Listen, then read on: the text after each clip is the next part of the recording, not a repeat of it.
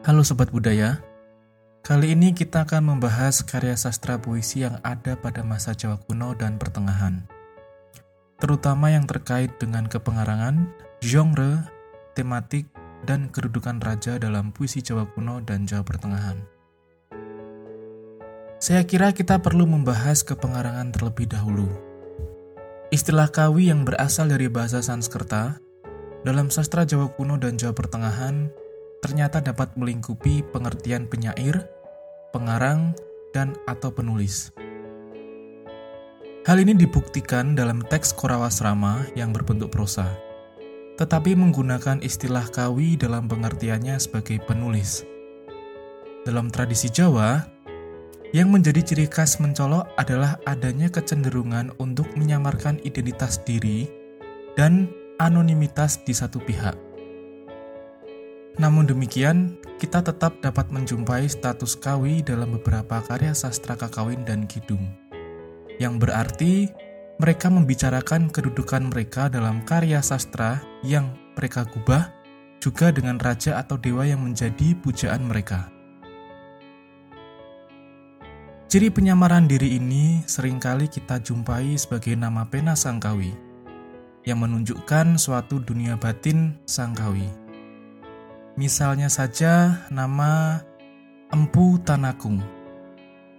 Terdiri dari kata tan dan kata akung yang mempunyai arti tanpa cinta, tanpa kerinduan, dan segala hal yang bersifat ambiar.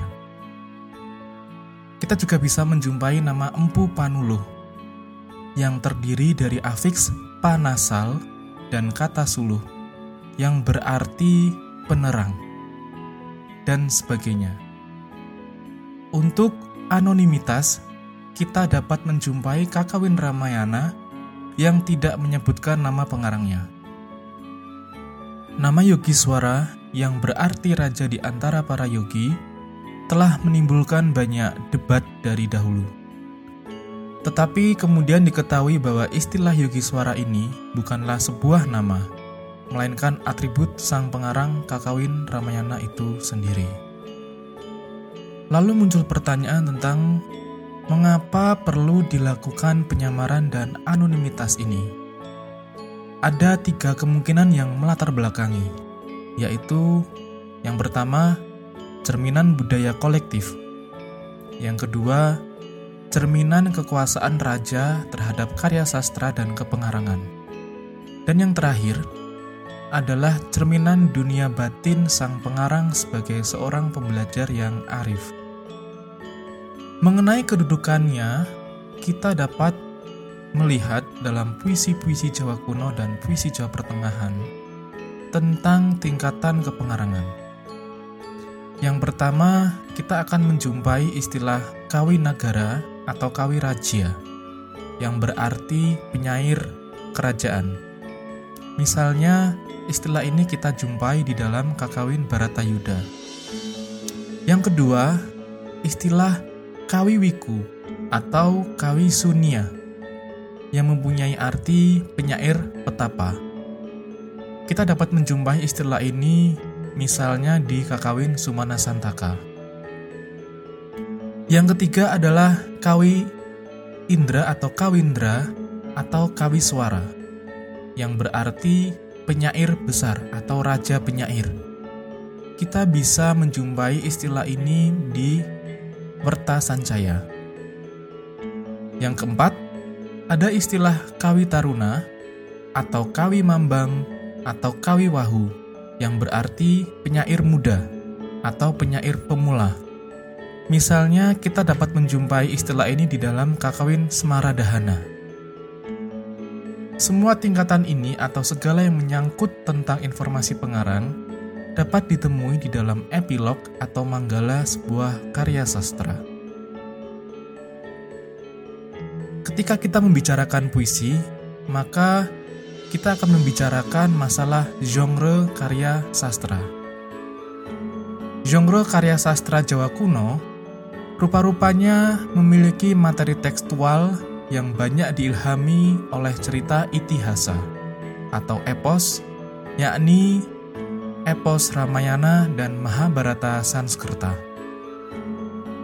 Bahkan dari segi bentuk, puisi Jawa kuno atau yang biasa disebut dengan istilah kakawin banyak mengilhami bentuk-bentuk yang terdapat pada Kawia Sang Sekerta. Sebagai contoh, kita dapat melihat struktur bait sebuah kakawin yang memiliki struktur sama catus padi. Artinya, dalam satu bait terdiri dari empat baris yang memiliki hukum metrum yang sama, baik dari segi jumlah suku katanya atau hukum panjang pendeknya. Sementara itu, dari segi bentuk, puisi-puisi Jawa Pertengahan tidak mengadaptasi sama catus padi kawya. Karena puisi-puisi Jawa Pertengahan memanfaatkan metrum-metrum pribumi. Puisi Jawa Pertengahan ini sering kali disebut sebagai kidung. Kembali pada tema genre, materi-materi yang diambil dari Ramayana dan Mahabharata itu rupanya sering kali bertema ayana atau yang dalam bahasa Indonesia berarti cerita petualangan. Yang pada karya sastra Jawa Pertengahan menjadi karakter yang khas dalam karya sastra Kidung. Misalnya kisah-kisah Panji sebagai tokoh utama petualangannya. Boleh jadi kisah petualangan Arjuna di dalam Kakawin Arjuna Wiwaha yang merupakan peninggalan zaman Airlangga, menjadi perintis lahirnya sastra Klono. Selain tema Ayana yang mencolok, kita dapat melihat pula bahwa kedua epos Sanskerta yang telah disebut di atas sangat kaya memarkahi tematik pengagungan dan kesatriaan yang terbagi menjadi beberapa motif naratif. Seperti misalnya, tema jaya atau kemenangan, tema wiwaha atau pernikahan, tema yuda atau peperangan, dan juga tema seraya atau pertolongan atau juga bisa disebut sebagai pengorbanan. Tema-tema ini dapat kita jumpai pada kakawin-kakawin seperti kakawin Ramayana, kakawin Arjuna Wiwaha, kakawin Gatot Kaca Seraya, kakawin Sumana Santaka, kakawin Baratayuda, dan lain segala macam. Meskipun demikian, ada kakawin-kakawin lain yang tidak sesuai dengan tematik tersebut. Misal, kita dapat mengambil contoh kakawin-kakawin seperti kakawin Nagara Kertagama atau Desa Warnana, dan juga Siwaratri Kalpa atau Lubdaka. Perbedaan yang mencolok antara karya sastra keraton dan karya sastra Mandala semakin jelas pada tradisi kesusastraan Jawa Pertengahan. Jika kakawin-kakawin diusahakan dengan tema istana sentrisnya, maka dalam kesusastraan Jawa Pertengahan kita dapat menjumpai bahwa sifat tematiknya lebih mengarah ke tematik mandala. Mandala itu berarti wilayah yang di luar istana. Dalam tradisi Bali, tema-tema mandala ini begitu hidup, terutama pada saat kerajaan Gel-Gel runtuh. Meskipun demikian, baik karya sastra keraton dan karya sastra mandala memiliki prinsip-prinsip yang sama, yakni yang pertama, ibadat kepada keindahan, yang kedua, prinsip karya sastra sebagai persembahan, dan yang terakhir, prinsip karya sastra sebagai bagian dari tindak kebaktian atau adat dalam sistem religius.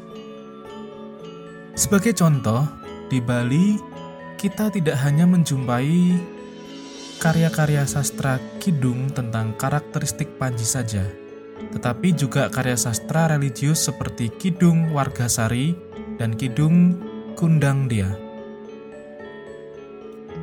Setelah kita membicarakan masalah kepengarangan, genre, dan tematik, kita akan mengulas pula bagaimana peran raja dalam karya sastra Jawa kuno dan Jawa pertengahan, terutama Kakawin dan Kidung.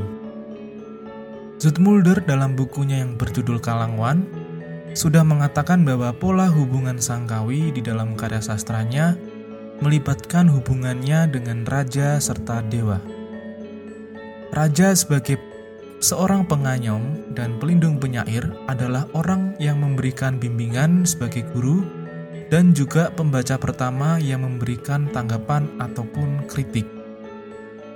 Misalnya hal ini dapat kita jumpai dalam Kakawin Hariwangsa yang dibaca terlebih dahulu oleh Raja Jayabaya sebelum Empu Panuluh meneruskan karyanya. Baik, demikian materi yang dapat saya sampaikan pada kesempatan podcast kali ini.